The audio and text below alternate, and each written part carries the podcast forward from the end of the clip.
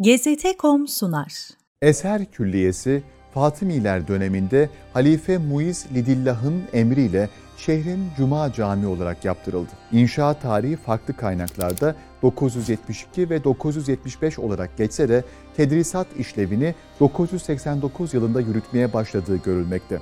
Bu dönemde altın çağını yaşayan ve Fatimilerin Şii batıni inançlarının yayılması için kullanılan kurum, vakıf ve devlet imkanlarıyla da desteklenerek ayrı bir önem kazandı. Eyyubiler dönemi ele alındığında önceki dönemde üstlenmiş olduğu vazife sebebiyle eserin ihmal edildiği görülmektedir. Selahaddin Eyyubi döneminde Fatimi Hanedanı'nın ortadan kaldırılması ve hutbelerin Abbasi halifesi adına okunmasıyla yeni bir dönem başladı. Böylece Mısır'da pek de kök salmamış bulunan Şiilik de gerileme dönemine girdi. Şia mezhebini ve bakiyelerini tamamen silmek isteyen Selahaddin, dönemin önemli alimlerinden Abdülmelik bin Dirbas'ın aynı şehirde iki ayrı cuma hutbesinin okunamayacağı yönünde ısrar ettiği fetvaya dayanarak eserde cuma namazı kılınmasını yasakladı. Camide cuma namazlarının ihyası Memlük Sultanı 1. Baybars dönemine rastlamakta. 1266'da Cuma Mescidi statüsünü tekrar kazanan eser, ilmi ve toplumsal önemini yeniden elde etti. Bu dönemde önemli haberler eser minberinden halka duyurulurken Nil'in yükselmesi gibi doğal afetlerde de toplanma ve kriz yönetim merkezi haline geldi. Yavuz Sultan Selim'in Mısır'ı fethinden sonra buradaki ilmi ve kültürel mirasın korunmasına büyük önem verildi. Osmanlı döneminin esere bıraktığı en önemli miras Şeyhül Eserlik makamının ihdası oldu. Eserin mevcut ulemasına ihtiramen Şeyhül Eser'in seçimi merkezden değil eser ulemasının yetki alanına bırakıldı. Eserin toplum ve siyaset üzerinde somut olarak etkili olduğu, göreceli yakın zamanda gerçekleşmiş birkaç olayı hatırlatmakta fayda var.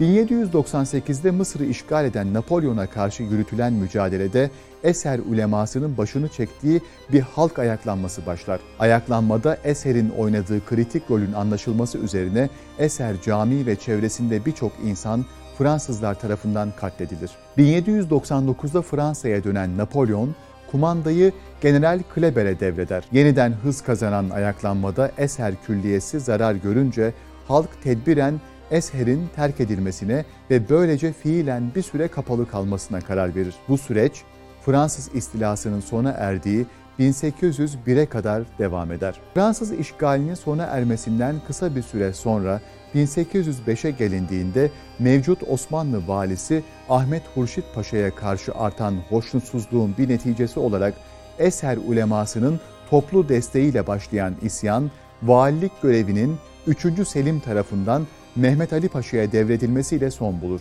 Bir yıl sonra Mehmet Ali Paşa bizzat 3. Selim tarafından Selanik'te görevlendirilir. Ancak yine eser ulemasının itirazları üzerine Mısır'da kalmasına karar verilir. İlerleyen süreçte Mehmet Ali Paşa'nın ihtiraslarından rahatsız olan ulema ona karşı tavır almaya çalışsa da Paşa'nın gütmüş olduğu akıllı siyaset sonrasında ulema birbirine düşer. Bir yandan batılı tarzda eğitim veren okulların kuruluşuyla da ilgilenen Paşa, eserin ilmi otoritesine alternatif sunarak eserin ilmi ve siyasi gücünü kırar. Bir diğer önemli düzenleme Cumhurbaşkanı Cemal Abdülnasır döneminde gerçekleşir. 1961 tarihinde kabul edilen kanun teklifiyle dil ve din eğitimi yanında mühendislik, sağlık bilimleri ve ziraat fakülteleri kurulur.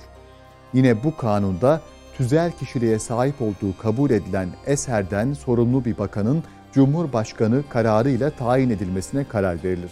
Eser şeyhinin de dini konularda en büyük otorite olarak kabul edileceği böylece resmiyet kazanır. 17 Aralık 2010'da Tunus'ta Muhammed Boazizi isimli gencin kendini yakmasıyla başlayan Arap Baharı'nın Mısır'a sıçraması uzun sürmedi. 25 Ocak 2011'de gerçekleşen devrimi takip eden süreçte Doktor Ahmet Tayyip Şeyhül Eserlik makamını temsilen Mısırlılara seslenerek Veliyül Emr yani Müslümanların meşru yöneticisi olarak tanımladığı Hüsnü Mübareğe karşı gösterilere katılmanın meşru olmadığını ifade etti. Devrim neticelenip Mursi Cumhurbaşkanı olarak göreve geldikten sonra Eser Şeyhi Tayyip'in devrim karşıtı tutumunu bilmesine rağmen Tayyip'i değiştirmedi ve eserin dini konumuna olan itimadını ifade etti. 3 Temmuz 2013'te Savunma Bakanı Abdülfettah Sisi anayasayı askıya alıp İhvan-ı Müslümin liderlerinin ve Cumhurbaşkanı Mursi'nin gözaltına alındığını açıkladı. Bu süreçte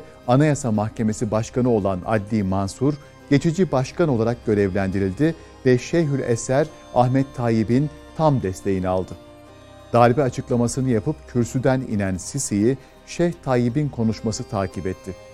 Selam ve tahiyyatla konuşmasına başlayan Şeyh, Mısır halkının bir iç çatışmaya düşmemesi için bu durumda önlerinde iki seçenek bulunduğunu ve daha az zararlı olan erken seçimlerin desteklenmesinin dini bir vecibe olduğunu söyleyerek darbeye olan desteğini beyan etti. Kendisinden sonra kürsüye çıkan üçüncü isim Kıpti Patriği 2. Tavatros'ta darbeye olan tam desteğini meşruiyet kazanması için eklediği birkaç cümleyle ilan etti. Çeşitli platformlarda darbeyi kınayan birçok eser alimi olsa da Şeyhül Esher'in Sisi'nin yanında konumlanması darbenin meşruiyet kazanmasında önemli bir rol oynadı. Şeyhül Eser'e en ciddi tepki Eser Alimler Cephesi ve İslami İşler Yüksek Konseyi'nden hainlik ithamıyla geldi. Son olarak 3 Şubat 2019'da farklı dinlere mensup 700 din alimi Birleşik Arap Emirlikleri'nin başkenti Abu Dhabi'de bir araya geldi. Katolik dünyasının ruhani lideri Papa Francis, İnsan Kardeşliği Konferansı'nda Ahmet Tayyip'le bir araya gelerek insanlığın kardeşliği belgesini imzaladı ve samimi pozlar verdi. Tayyip konuşmasında Müslümanlara yaşadıkları yerlerdeki Hristiyan toplumları kucaklamalarını söylerken Avrupa'daki Müslümanlara hitaben de yaşadıkları toplumlara ayak uydurmalarının gerekliliğinden bahsetti. Orta Doğu'da kurulmaya çalışılan askeri siyasi ittifakın Suudi Arabistan, Bahreyn ve Libya dışındaki iki önemli ortağı olan Mısır ve Birleşik Arap Emirlikleri bölgenin en önemli dinamiklerinden olan din faktörünü etkili bir şekilde kullanmayı arzu ediyor. Bunun için düzenlenen paneller, sempozyumlar, daha da önemlisi Abu Dhabi'de olduğu gibi ekonomik ve siyasi olarak desteklenen birçok dini lider var. Her fırsatta mutedil İslam çağrısı yapan bu grup kendilerinden olmayanları marjinalleştirmeye devam ediyor. Sonuç olarak benliğini siyasi erklerin tahakkümüne devreden bir grup alim sadece kendilerinin değil, aynı zamanda yüzyıllardır güven duyulan Esher gibi kurumların da halk nezdinde itibarsızlaşmasına sebep oluyor. İslam coğrafyasını daha yakından tanımamıza yardımcı olacak bu serüveni bizimle birlikte takip etmek için kanalımıza dahil olmayı, video dosyalarımıza beğeni ve yorumlarınızla katkı sağlamayı unutmayın.